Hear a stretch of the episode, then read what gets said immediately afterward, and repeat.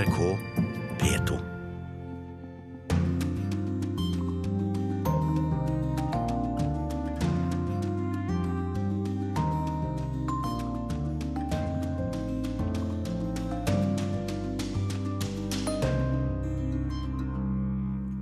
Raseri og knivstikking, Israel og palestinske områder i kok. Å redde regnskogen er avgjørende for klimaet. Ny forskning overrasker veteran i Regnskogsfondet. Optimisme før klimamøtet i Paris. Etter 40 år vil Chile nå straffe de skyldige fra diktaturets dager. Vi spør om Colombia kan ha noe å lære. Kjendisløvet i Zimbabwe skaper ny debatt, og det på flere områder. Seinere i sendinga skal vi også innom Hvalet i Sveits og få høre et brev postlagt i Canada. Dette er Urix på lørdag, her i studio Sigrun Slapgard. Først nå til Midtøsten og opprøret som har fått kallenavnet Knivintifadaen. Og Odd Karsten Tveit, du er med oss fra Jerusalem. Eh, I dag har det vært nye angrep. To drepne palestinske eh, unge. Eh, hvordan er situasjonen der du nå står? Ja, Nå står jeg ved inngangen til eh, den gamle delen av Jerusalem, i, i Damaskusporten, bare noen meter fra en israelsk sjekkpunkt. Det er tre soldater, soldater som kontrollerer unge palestinere eh, som kommer inn. Men stemningen er ikke veldig kritisk, eller det er nokså avslappet, fordi det er ikke mye folk i dag. Eh, det er nemlig kontrollposter også utenfor denne gamle byen. På veiene hit da jeg gikk i, så møtte jeg mye politifolk. Det er en jernring som er stått rundt Jerusalem, og det er kontrollposter overalt. Mm. I går ble Josefs grav sett fyr på. En palestiner utkledd som presse angreip. Og så altså denne nye knivstikkinga i dag. Eh, slik du ser det, eh, hva betyr denne typen angrep vi ser nå? Ja, For det første så er de to som ble drept i dag, et mønster at eh, de angivelige knivstikkerne blir ikke arrestert, de blir skutt og drept. Eh, så det blir aldri noen rettssak, eh, det blir sjelden noen rettssak som kan belyse situasjonen. Så foreløpig kan en ikke si at det er en intifada. Dette er unge menn og kvinner som da på eget initiativ går til angrep. Ofte i desperasjon over at de har en vanskelig situasjon. Så lenge ikke de store palestinske massene blir deltar i dette, det som er knivstikkeropprøret fra de unge, så kan det ikke kalles noen intifada. Men eh, hvis det nå skjer det som mange frykter, at den kollektive avstraffelsen ved å legge eh, problemer for den palestinske befolkningen fortsetter, da kan en få mer alvorlig utvikling. Mange av angrepene har jo skjedd i Jerusalem. Eh, hva, hva, hva synes du om det? Det har kommet som en overraskelse på israelske okkupasjonsmyndigheter. Fordi at de hadde ventet at det kanskje kunne bli et opprør på Vestbredden.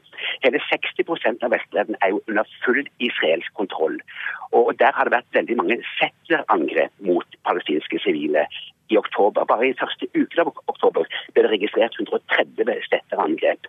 Eh, det har vært satt fyr på hus, eh, unge barn er blitt brent i hjel, men ingen arrestert. Ingen skyldig arrestert, selv om eh, israelsk presse hevder at ugjerningsmennene er registrert etter her. Der hadde de ventet kanskje et opprør, men få hadde trodd at de palestinerne i Øst-Jerusalem som har israelske ID-kort og som beveger seg fritt omkring. Det var her denne opprøret skulle begynne, hvis det nå utvikler seg til opprør. Det er overraskelsen for, for israelske myndigheter. Og for palestinske myndigheter så kommer også disse knivstikkeraksjonene også helt uventet. Mm. Du har jo opplevd mange tidligere opprør, og helt til slutt, eh, hvordan ser du på alvoret i, i disse siste hendelsene? Vi må vente en uke og se om dette fortsetter, og om det blir enda strengere kollektive straffetiltak. Da kan vi vurdere nærmere. Men alltid er det slik at det, det kommer uventet. Den første intifadaen kommer uventet, den andre intifadaen kommer uventet, og denne intifadaen, hvis det blir noen intifada, er kommet helt uventet. Mm. Takk til deg, Odd Karsten Tveit, direkte med fra Jerusalem. Mandag starter en ny runde med klimaforhandlinger, og dette er aller siste forhandlingsrunde før det store klimatoppmøtet i Paris i desember. Så om ei veke bør forslaget til avtale være klart. FNs klimasjef er optimist. I mange land forbereder en seg nå til et møte som det er svært store forventninger til, og det rapporterer vår klimareporter Eivind Molde. Det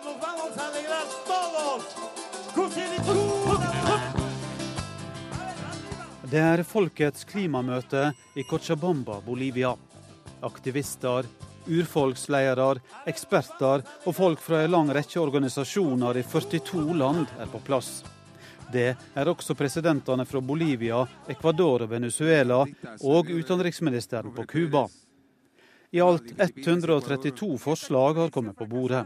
Bl.a. krever de tiltak mot multinasjonale selskap som ødelegger miljøet, og et internasjonalt tribunal for klimarettferd. Den bolivianske presidenten Evo Morales lover å ta med seg alle forslagene til klimatoppmøtet i Paris.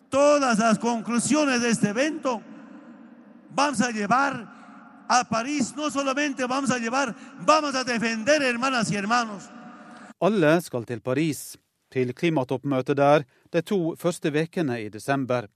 196 land er med i FNs klimakonvensjon. As a major emerging economy, we have given mainly three important targets we have taken up. Ny Delhi tidligere denne måneden. Den indiske miljøvernministeren forteller hva India vil bidra med i en ny internasjonal klimaavtale. We want to reduce our emission intensity by 35% till 2030. Vi vil redusere utslippene våre med 35% innen 2030. Dette kommer i tillegg til det vi har varsla tidligere. Vi har sett oss et høyt mål, sier Prakash Javadelar. Og han legger til at han håper og tror India kan bidra til en løsning, selv om det er de rike industrilandene som har forurena verden. We will become part of solution and we will give the results. Det er seks år siden førre forsøk på å få til en global avtale. FNs klimasjef er optimist. Christiana Figueres mener mye har endra seg siden København-møtet i 2009. We had been for a long time before Copenhagen. We had been in a long night on climate change because the focus before Copenhagen had been very much on the burden. Vi var gjennom en lang natt før København. Fokuset var på byrder og kostnader og alt som var vanskelig.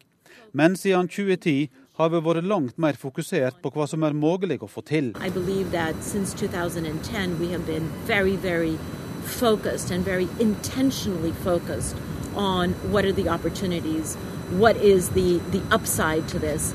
Um, and I think that the world has now come to that conclusion. 196 land skal bli samlet. Det er ikke lett. Men nå i høst, i oppkjøringa til Paris, er det i alle fall stor aktivitet, stort engasjement i mange land. Uh, this,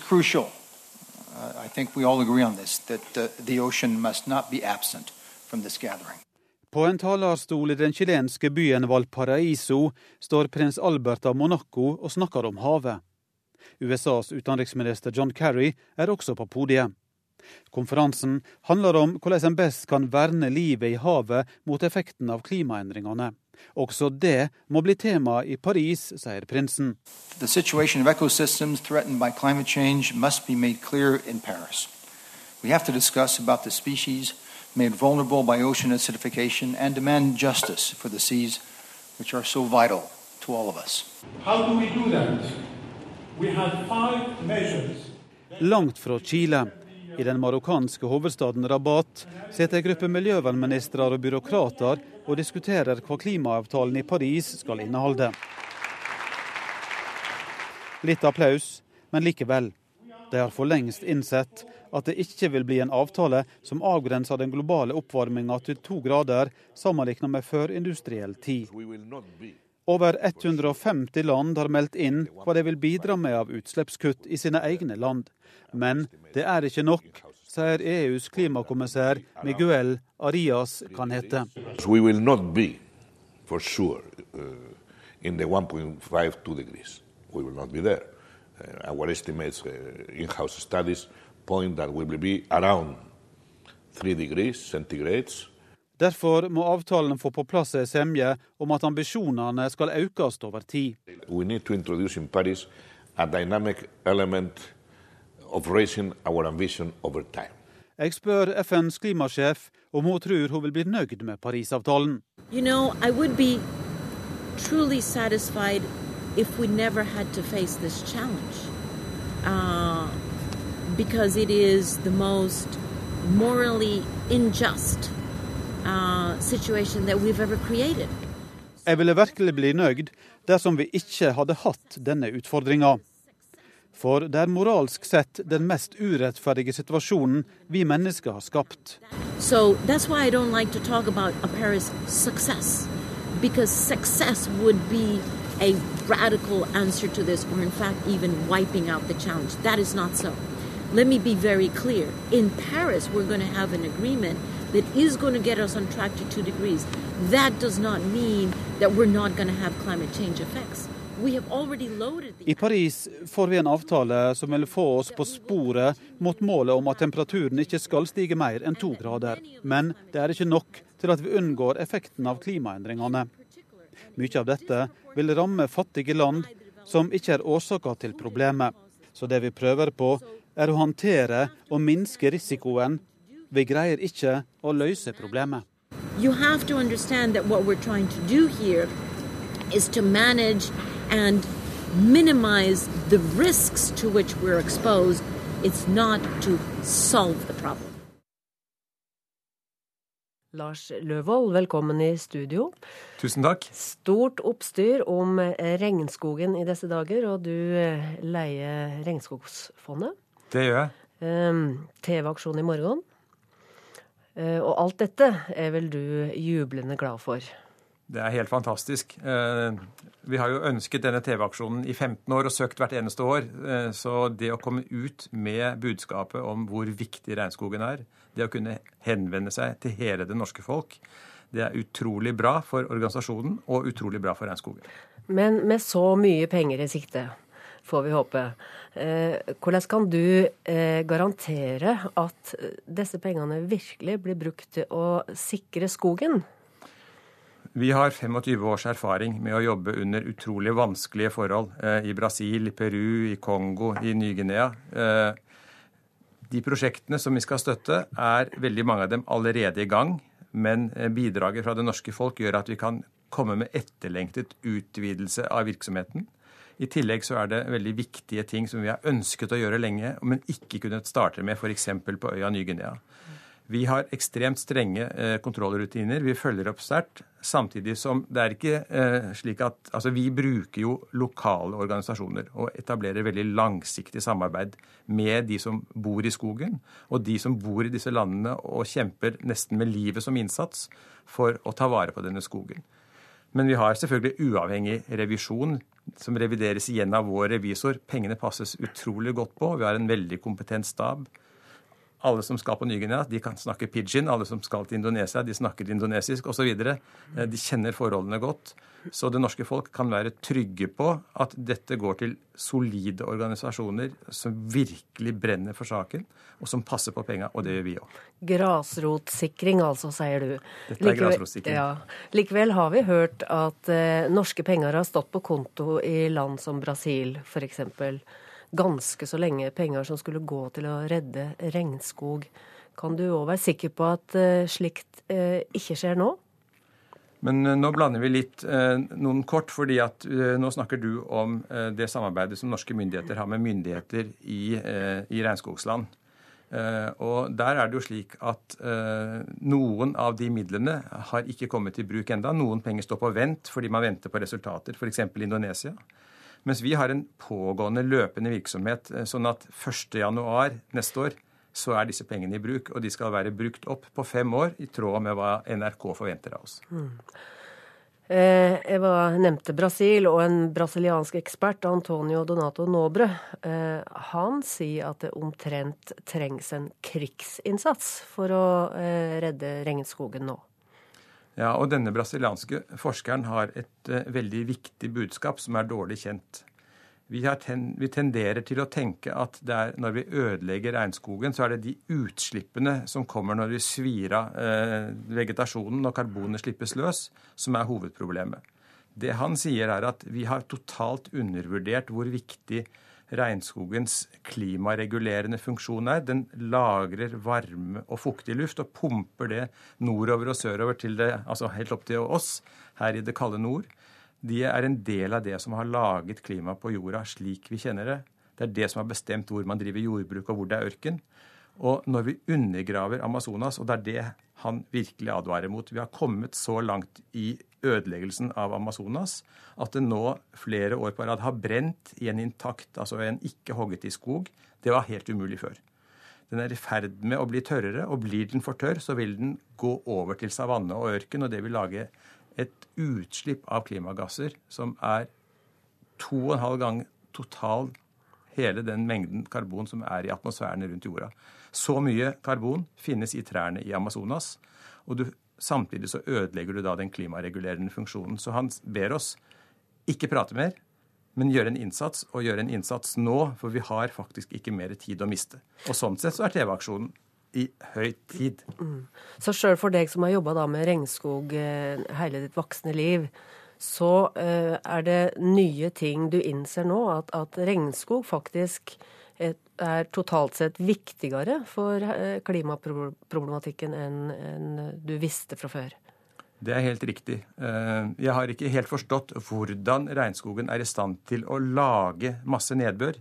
Altså ikke bare sirkulere nedbør inn fra det fuktige Atlanterhavet eller fra havet rundt, men faktisk produsere nedbør ved å suge Altså trærne fungerer som store varme- og fuktighetspumper, eh, som igjen gjør at man pumper varme og fuktig luft rundt på kloden. Dette er en mekanisme som er blitt oppdaget forholdsvis nylig, og som er altfor lite snakket om, eh, og som rokker ved hvordan klimaet er på kloden. Så dette er faktisk meget alvorlig. Mm. Eh, Nåbre har et annet poeng, og det er at han eh, vil sette inn eh, hæren omtrent. Altså det med å sette inn repressive tiltak. Sette jussen i, i sving. Det har blitt gjort i stor grad i Brasil, men i land som Peru, der vet vi at 80% opptil 80% av hogsten skjer av kriminelle. Må vi ha strengere tiltak? Vi må ha strengere tiltak. Veldig mye av ødeleggelsen av regnskog på kloden er direkte ulovlig også i forhold til landenes lover. Samtidig så er Nobres poeng at eh, vi trenger en mobilisering slik man gjør når man blir angrepet i krig. Eh, rett og slett, Vi må ta dette på alvor. og Han bruker eksempler med hvor lang tid brukte eh, beslutningstakerne på å sette inn tiltak når bankvesenet i verden holdt på å falle sammen. Det tok 15 dager å få milliarder på milliarder på milliarder på bordet for å redde bankene. Nå vet vi at klimaet vårt og vår framtid er i fare, og vi snakker om å finne løsninger om 5, 10, 15 og 20 år. Og det sier han, det har vi overhodet ikke tid til. Så regnskogsreddinga bør ikke bare være ei snill sak, det bør være ei aggressiv sak fra nå. Er det din konklusjon? Vi bør gjøre noe nå, og vi må mobilisere stort. Og vi må ikke tro det ordner seg av seg sjøl, for det gjør det ikke. Takk for at du kom i studio, Lars Løvold, og lykke til i morgen. Tusen takk.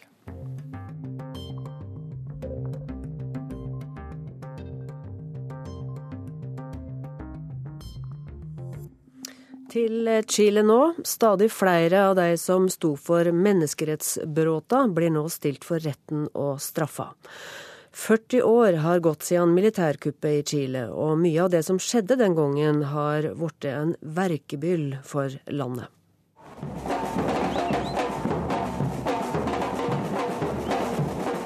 Et par tusen demonstranter går i protesttog gjennom gatene i Chiles hovedstad Santiago. Vi gir aldri opp å få dere straffet, står det på en stor transparent som bæres først i toget. Det er etterlatte etter militærdiktaturets ofre som protesterer. For mer enn et kvart hundre år etter at diktaturet gikk i graven, er det fortsatt titusener som ikke har fått svar på hva som skjedde med deres kjære. Og de færreste av bødlene har fått sin dom. Vi demonstrerer for at regimets forbrytelser ikke skal bli glemt, sier initiativtakeren Lorena Pizarro. Men det viktigste er å opprettholde kravet om at hele sannheten om det som skjedde under diktaturet, må bli kjent, og at de skyldige må dømmes, sier hun. Ofrene for militærstyret i Chile fortsetter sin kamp for rettferdighet mer enn 40 år etter kuppet som rystet verden. Den 11. september 1973 satte militære kuppmakere inn jagerfly mot presidentpalasset i Santiago, og landets demokratisk valgte regjering ble styrtet. De militære startet et terrorvelde som kostet mer enn 4000 mennesker livet. Men den dag i dag er de aller færreste dømt for sine ugjerninger. La impunidad es una enfermedad para una sociedad. Når forbrytere ikke straffes, påføres samfunnet en sykdom, sier den kjente journalisten og forfatteren Fernando Villagran. Folks respekt for lov og rett blir ødelagt, og det skapes en dobbeltmoral som gjennomsyrer samfunnet, slik vi har sett i Chile under diktaturet, og som vi fortsatt ser. Men heldigvis ser vi nå at stadig flere blir dømt for sine forbrytelser, sier han.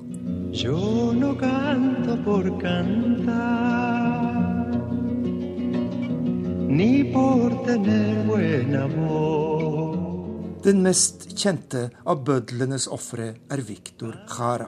Den berømte sangeren som ble arrestert og torturert på det grusomste på en stadion i Santiago de Chile. Victor Jara ble funnet i en bakgate med 44 kuler i kroppen, og til denne dag er ingen dømt for forbrytelsen. Men nylig ble ti militære tiltalt i denne saken, og rettssaken vil trolig starte rundt nyttår. La nueva de jueces liberados del, del, de la, la herencia vi har fått en ny generasjon av dommere som ikke er tynget av arven fra diktaturet, men som er opptatt av lov og rett, sier Fernando Viagran. Det er slike dommere vi må sette vår lit til hvis dette landet skal fri seg fra den moralske sumpen vi befinner oss i.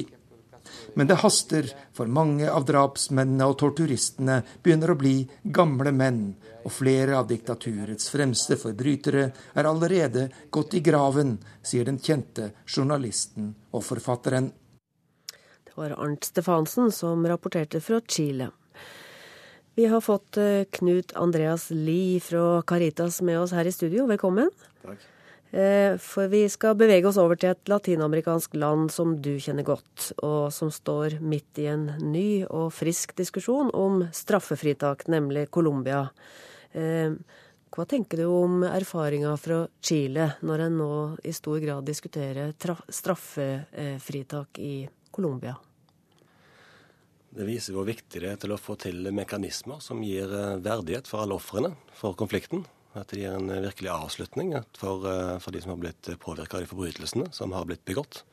Og Det er nødvendig for å få til en reell forsoningsprosess og til en demokratisk prosess som bringer landet videre i en ny tid. Mm, men nå hevder altså spesielt FARC-geriljaen, da, en av partene i, konflikten, at ingen fra den røsla skal sitte i fengsel. Nei, det har blitt hevda. Og det var en del av det som var så sto i avtalen som ble signert nå i september. Eh, men det er en sannhet med visse modifikasjoner. Eh, ingen skal i fengsel, men de skal få begrensninger på bevegelsesfriheten. Og Det står i avtalen at den straffen kan være mellom fem og åtte år for de som har begått eh, forbrytelser mot menneskeheten og for krigsforbrytelser. De verste forbrytelsene. Men det er bare dersom de bidrar til å oppklare de sakene og de kriminelle handlingene som de er ansvarlige for. Hvis de ikke bidrar inn til å fremme sannheten om hva de har gjort, så kan de få fengselsstraffer enten mellom fem og åtte år i fengsel, men dersom de ikke bidrar i det hele tatt, så kan de få ordinær straff som inntil 20 år i fengsel. Men, men tror du dette vil være nok for eh, deg som eh, har vært offer? Jeg tror uansett hvilken eh, straffesanksjon en får, så vil det nok aldri være nok for, for ofrene. Forbrytelsene som er begått er så, så, grusomme, så brutale, at en vil aldri få, få virkelig fred. Men mange i Colombia etter 50 år med krig vet at en må En må forhandle, en må gjøre innrømmelser. Og det er nok et område en kan gjøre innrømmelser på dersom en ser at en får en reell framgang i Colombia, og at krigen får en slutt. Mm, du som kjenner lokalmiljøet, ser du for deg at, eh, at det kan bli en bærekraftig fred om, om de verste overgriperne går nesten ustraffa? Det er vanskelig å si. Eh, en må ha følelsen av at de får reelle straffer. En må ha følelsen av at de bidrar inn til eh, fredsprosessen og til å forbedre vilkårene i landet. Da er det mulig, og det er nødvendig å få det til. At eh, for de som demobiliserer fra geriljaen, de skal da reintegreres i samfunnet, de skal inkluderes i storsamfunnet. Og får en ikke det til, så vil de gjerne bli rekruttert til andre kriminelle gjenger, som det finnes mange av i Colombia. Og, og som du har sett har skjedd tidligere, i tidligere etapper? Det har skjedd ved gjentatte anledninger i Colombia. Så en har hatt en voldsspiral som bare har vært økende pga. det. En hadde en uh, demobiliseringsprosess på 90-tallet der uh, mange av de som demobiliserte, ble reinkorporert i paramilitære grupperinger. Som, som begikk forbrytelser som Colombia aldri har sett, sett, maken til senere. Men du har et lite håp nå, helt til slutt, eh, Knut Andreas Lie, om at det kan bli ei endring, og at det kan bli en slags fred fra mars eh, i neste år? Colombia har aldri vært nærmere en fredsavtale med FARC enn vi er nå. Det er store forhåpninger både blant, eh, i forhandlingsteamet og blant befolkningen i, eh, i Colombia. Og alle muligheter ligger til rette for det. Så det, det er godt håp for at freden i Colombia endelig skal komme etter 50 år med krig. Takk for at du kom i studio.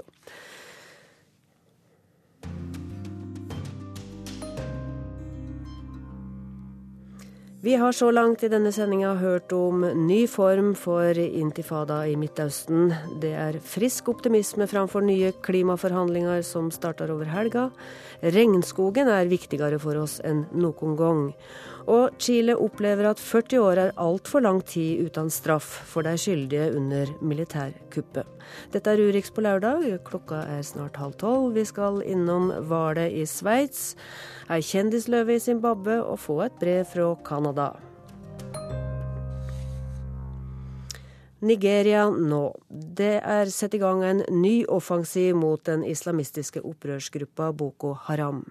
Den nyvalgte presidenten Buhari samarbeider både med naboland og USA i kampen mot ekstremistene, som er mest kjent for å ha bortført skolejenter. Da jeg for et par dager siden møtte en av lederne for aksjonen Bring Back Our Girls, var det nettopp skjedd en ny selvmordsaksjon signert Boko Haram yana zuwa yana yana dingishi mun fito mun naje wajen wajen zan wuce Ei fortvila kvinne har vært vitne til et selvmordsangrep i Nigeria. Boko Haram tyr til stadig mer desperate handlinger. Nesten hver dag er det meldinger om aksjoner med feige midler og for en av lederne i Bring Back Our Girls, dr. Ibrahim, er det trist nytt, men samtidig ei stadfesting av at opprørsgruppa Boko Haram nå har mista mye terreng. Most of the territory the Boko Haram militants uh, took over have been recaptured, and they are now concentrated uh, mainly in the Sambisa forests. Now, Now that they are on the run, however, they have been extremely destructive. They have resorted to suicide bombing, mostly carried out by young girls who they attach bombs to and blow up. Uh, mer og mer desperate og skruppelløst grusomme. Boko Haram bruker ofte jentene til å utføre selvmordsaksjonene. De fester sprengstoffet på småjenter og tvinger dem til å gjennomføre handlingene. Dette skjer nesten daglig nå, sier Shibrin Ibrahim. Små Boko Haram-grupperinger er dessuten på flukt og reider landsbyer på veien. Ille handlinger, men utført av en svekka og splitta organisasjon. Vitnesbyrda er sterke fra de som har overlevd. She said, uh, she was taken there by her father, who said that that's the most direct way to go to heaven. Uh, two of them went to carry out the suicide bombing. When the first girl detonated her bomb and she saw how people died, she got so frightened and decided not to detonate her own uh, bomb. And it just shows that these are innocent young girls who are being killed, some of them by their parents, Det hender at jentene er sendt som rekrutter av sine egne foreldre, forteller Ibrahim. Men i dette tilfellet overlevde altså den skremte jenta, etter å ha forstått sprengkrafta i beltet som var festa på henne. Det var hennes egen far som hadde sagt at dette var beste begen til himmelen. Nå er offensiven mot Boko Haram trappa opp. Nabolandene Niger, Tsjad og Kamerun samarbeider, og denne veka reiste amerikanske soldater samt overvåkingsdroner til Kamerun. U.S. military forces uh, who were deployed to Cameroon uh, are there at the invitation uh, of the government of Cameroon and will act in coordination. Jeg spør han som leier kampen for å få de bortførte jentene tilbake, om ikke det amerikanske militærbidraget også kan komplisere kampen mot det antivestlige Boko Haram. I think uh, the drones will certainly help in identify where they are going when they are on the run, so that uh, they could be chased and dealt with.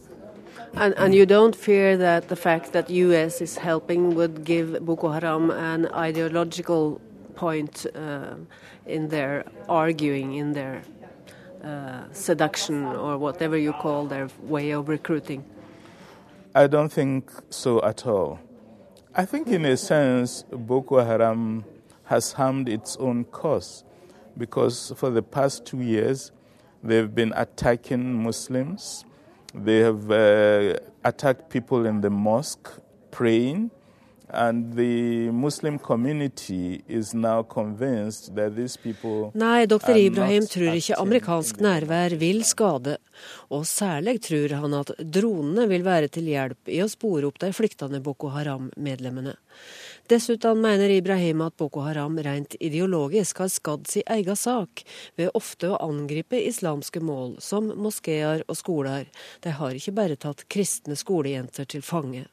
Dermed har de ødelagt sitt eget rekrutteringsgrunnlag og tyr nå til tvangsrekruttering og kidnappinger.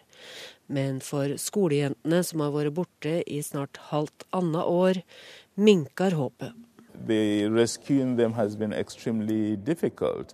And I think at one point, when uh, they identified where the girls were, they surrounded the girls with explosives. Å redde jentene har vist seg å være ekstremt vanskelig. På et tidspunkt ble skolejentene lokaliserte, men Boko Haram omringa dem med eksplosiver og gjorde redning umulig. Men håpet nå er at utvida samarbeid og hjelp av droner kan redde de som ennå kan bergast av de bortførte skolejentene i Nigeria. Ja, Afrikakorrespondent Kristine Presttun, du er med oss fra Nairobi. Eh, og du har besøkt dette området to ganger bare det siste året og har møtt ofra, de som opplever Boko Haram på kroppen. Eh, hva veit du om situasjonen der i nord? Ja, dette er jo mennesker som er traumatiserte, som har sett grusomme overgrep, mistet slektninger, fått barna sine bortført. Og det er nå 2,5 millioner mennesker på flukt i Nigeria. Og det er jo som om halve Norges befolkning skulle ha forlatt eh, hus og hjem fordi vi fryktet eh, for militante islamister. Flesteparten av disse flyktningene de er rundt eh, byen Maiduguri, som er provinshovedstaden nordøst i Nigeria. De fleste bor faktisk ikke i leire, men i folks hjem. De blir møtt med gjestfrihet, møtt med hjertevarme. Og jeg har selv vært i et slikt hjem der det var ikke mindre enn 46 gjester. Men pengene de strekker ikke til, og mange er også på flukt i nabolandene. Så dette er en dramatisk situasjon, og som jo på den internasjonale agendaen her kommer i skyggen av krisen i Syria. Mm. Nå hørte vi jo her at Boko Haram er jaga ut av områder de tidligere kontrollerte. Men betyr det at det er trygt for folk å reise hjem i de områdene? Ja, I enkelte områder så reiser nå folk faktisk eh, tilbake og prøver å bygge opp eh, liv igjen. Og Dette gjelder særlig i den delstaten som heter Adamawa, som er den sørligste av tre delstater i Nigeria der Boko Haram har herjet. Så dette er godt nytt. Men i de to andre delstatene så er det jo ikke trygt eh, nok. Vi hørte jo her, som både du og Ibrahim fortalte, at Boko Haram fortsatt terroriserer befolkningen. Og Særlig i denne delstaten Borno, som ligger helt nordøst mot Tsjadsjøen, så er det utrygt, spesielt om natten. Og også i nabolandene er det utrygt, særlig også f.eks. i Niger. Der er det nå unntakstilstand i sør i to uker nå, noe som også sier noe om alvoret i nabolandene. Og, det, og denne regionale styrken, hva slags forskjell har den betydd i kampen mot Boko Haram? Vi har sett få resultater så langt. Eh, denne styrken fikk jo et mandat fra Den afrikanske union i slutten av januar. 7500 soldater fra eh, disse nabolandene, altså Niger, Tsjad, Kamerun og Nigeria. Men mine kilder eh, i Nigeria sier at styrken er under oppbygging, men at det går langsomt. Det skal bl.a. ha vært samarbeidsproblemer. F.eks. snakker de engelsk i Nigeria, de snakker fransk i nabolandene. Og Nigeria har jo vært skeptisk til å slippe soldater fra andre land inn på eget eh, område. Derfor er tillit her essensielt. Og det er interessant at Nigerias nye president, det første han gjorde, var faktisk å reise til nabolandene. og det er er et godt tegn. Mm. Da får vi håpe det beste, og særlig for skolejentene, som altså nå har vært borte i ett og et halvt år. Takk til deg, Kristine Presttun, som var med oss fra Nairobi.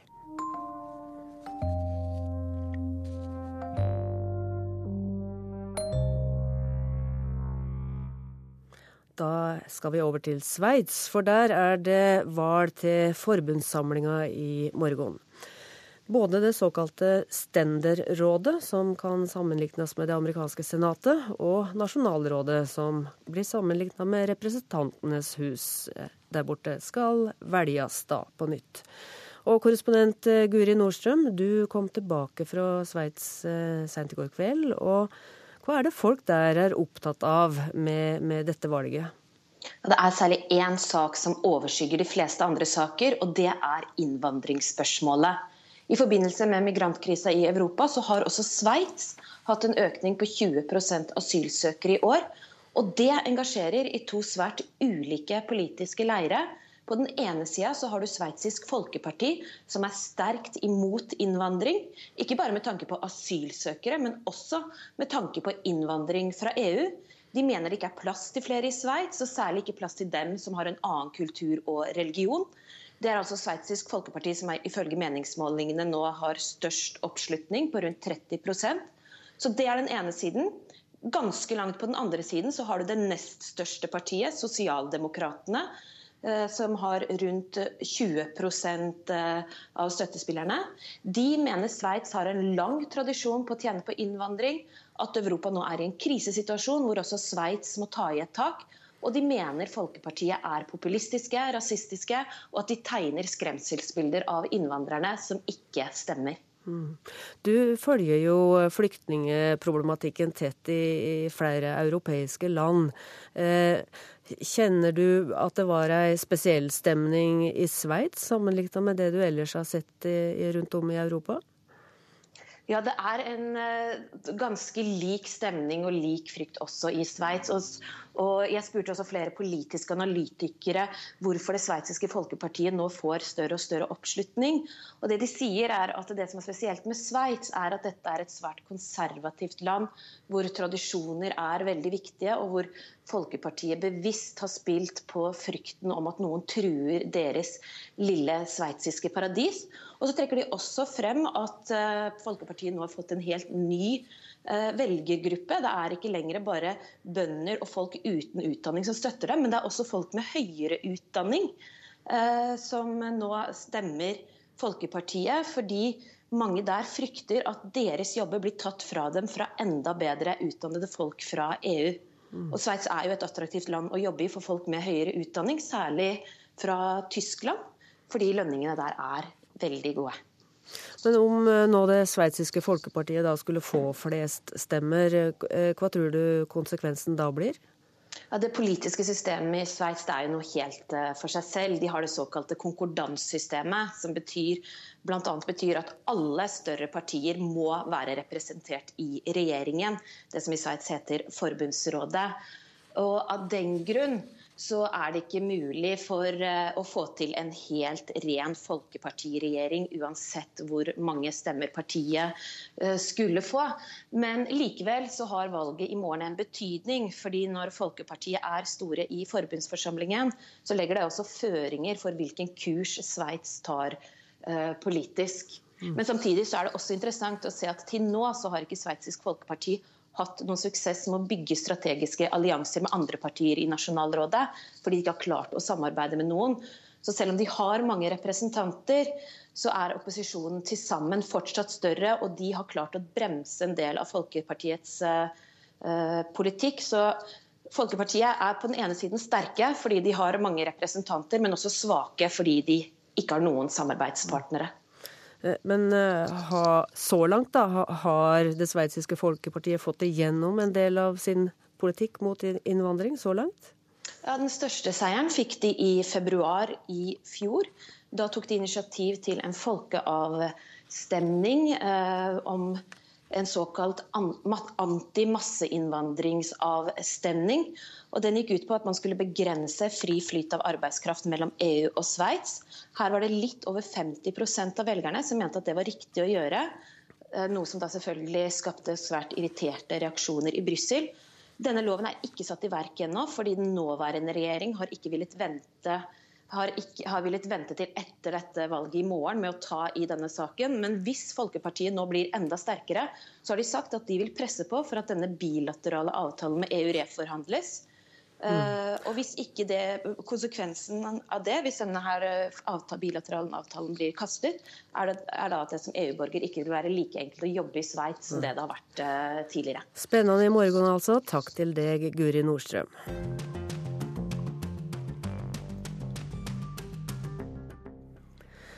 Da hannløva Cecil ble drepen i en nasjonalpark i Zimbabwe i sommer, førte det til internasjonale protester og drapstrusler mot den amerikanske tannlegen som skjøt løva med pil og båge. Denne veka avgjorde påtalemakta at amerikaneren ikke blir tiltala for ulovlig jakt. Rettshøringa av den profesjonelle jegeren som arrangerte jakta, er utsatt for tredje gang, men han har riktignok mista lisensen til å jakte. Drapet på kjendisløva har nå fyrt opp under rovdyrdebatten, som framfor alt raser mellom dyrevernere og bønder som mister buskap pga. kattedyra. Fuglene kvitrer, antilopene gresser, og en flokk med elefanter krysser en vei tidlig en morgen i Huange nasjonalpark i Zimbabwe. Parken der den 13 år gamle hannløven Cecil var den ubestridte hovedattraksjonen. Verdenskjendis ble han da en amerikansk tannleger skjøt og drepte ham med pil og bue i sommer. Løver som Cecil er svært ettertraktet blant jegere.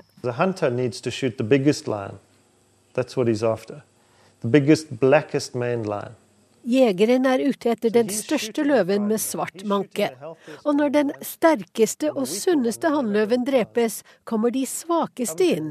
De dreper hans avkom og bringer sine svake gener inn i systemet, sier løveforsker Brent Staplecamp til nyhetsbyrået Ap. Han forteller at andre hannløver allerede har drept to av Cecils åtte unger.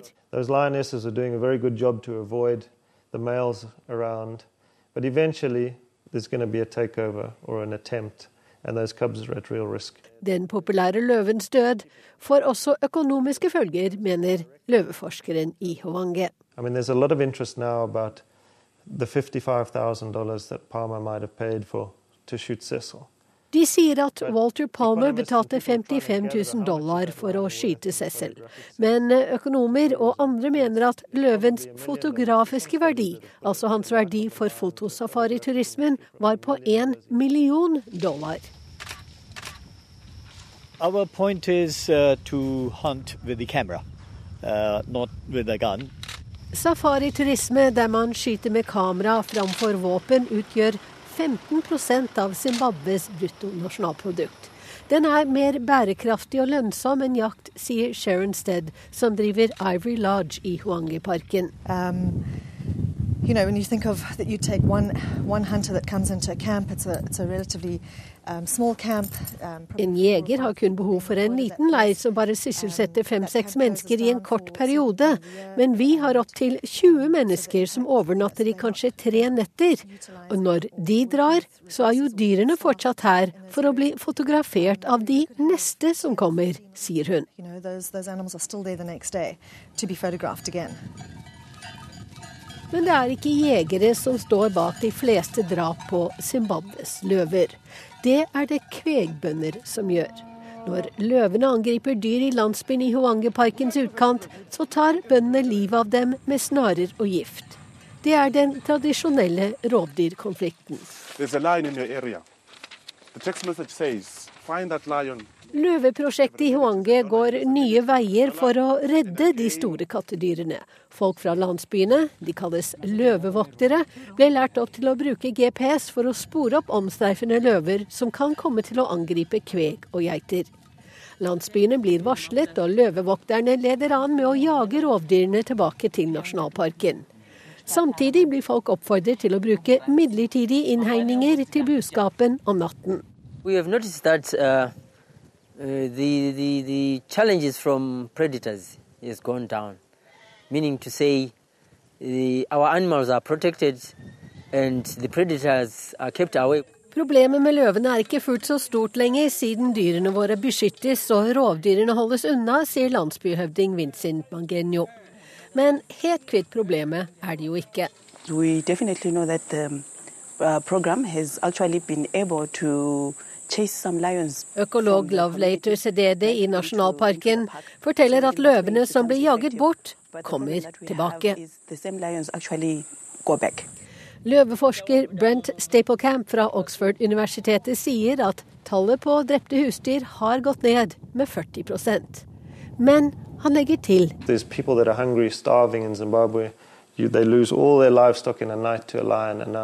det nytter ikke å si til sultne mennesker som mister alle dyrene sine i løpet av en natt, at løver må beskyttes fordi de er viktige for kulturen og økonomien. Derfor må fattigdommen bekjempes først. Vi må sørge for at folk har mat i magen, og at barna deres ikke blir angrepet på vei til skolen. Så kan vi snakke om naturforvaltning. Ellers er det en luksus som Afrika ikke har råd til, sier løveforskeren. Og det var Wenche Eriksen som rapporterte fra løvedebatten i Zimbabwe.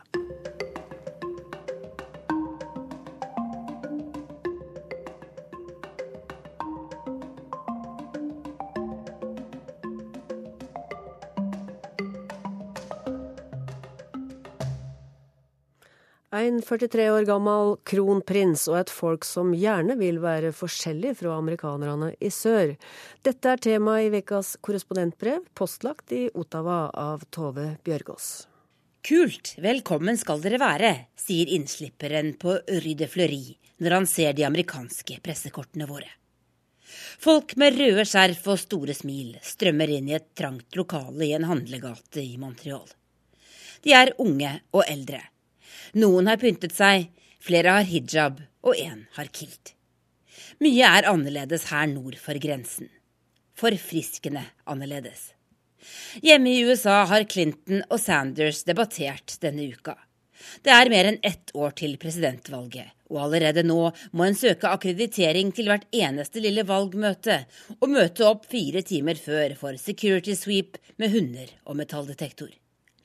Men her i Canada er det to dager til valget, og fritt fram. På mandag skal canadierne bestemme om Stephen Harpers konservative regjering får bli sittende. De som er kommet til Rue Fleury denne kalde morgenen, mener ni og et halvt år er mer enn nok, og gleder seg til en ny tid i Canada. I løpet av en halvtime er det så mange mennesker inne i bydelskontoret til det liberale partiet i Montreal at det knapt går an å røre seg.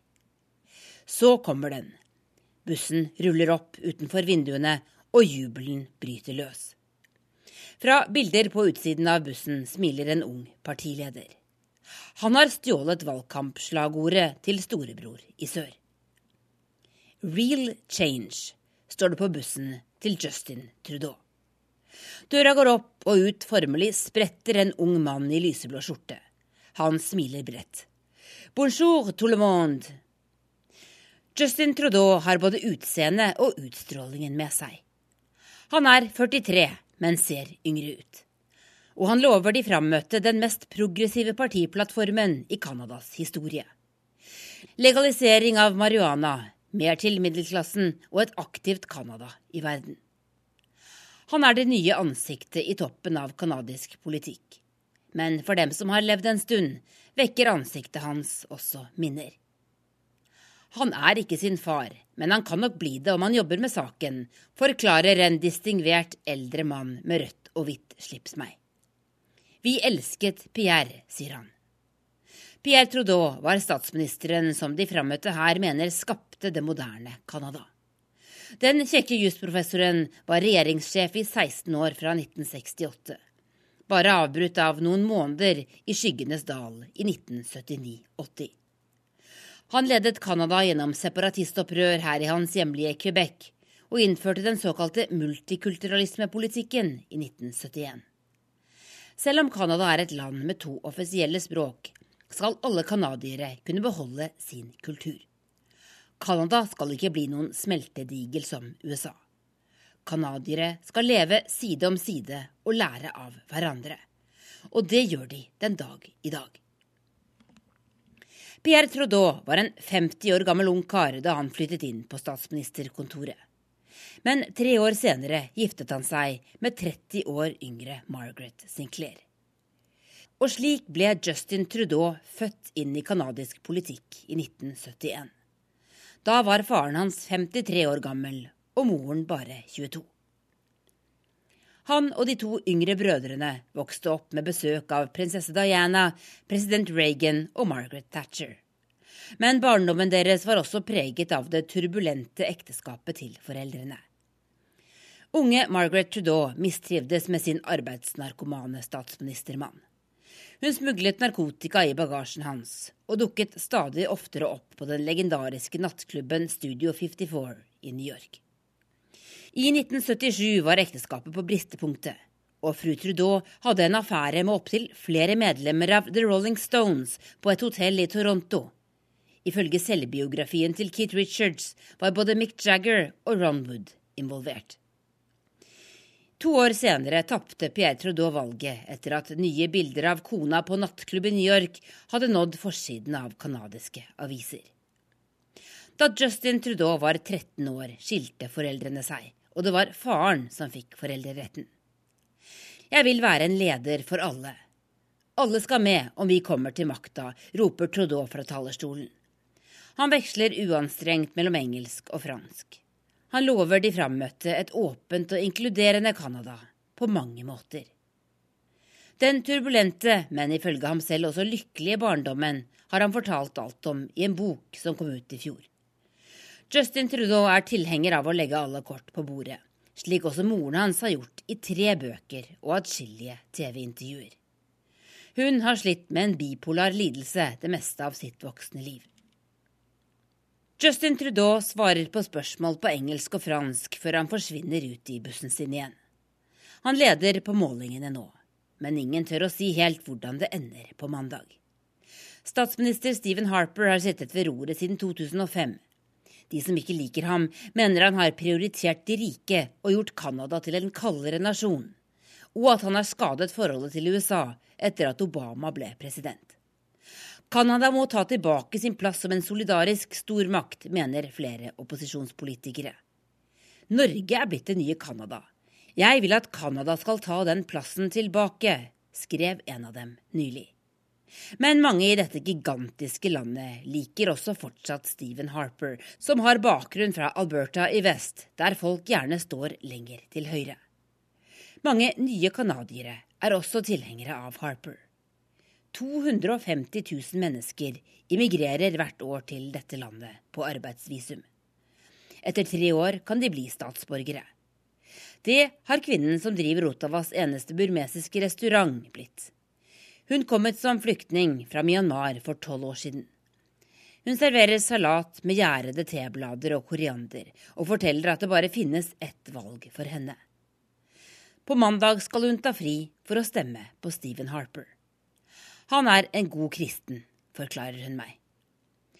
Oppe på vakre Parliament Hill, der den evige flammen brenner over rennende vann, og foran parlamentsbygningen, har folk ulike meninger om hvem som bør få flertall her på mandag.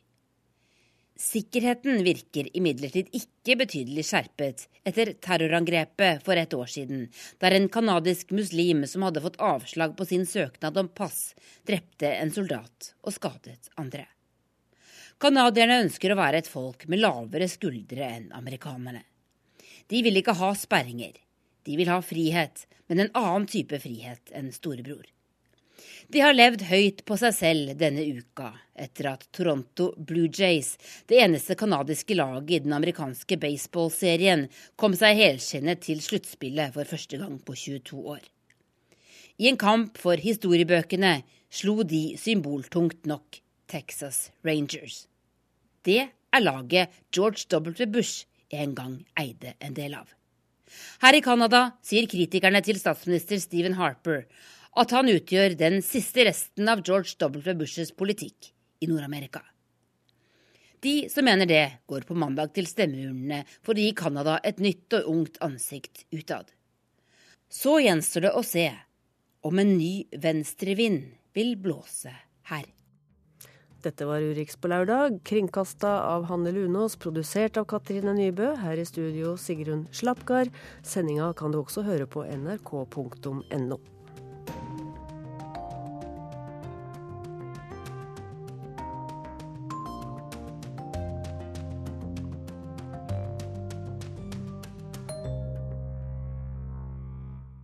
Hør flere podkaster på nrk.no podkast.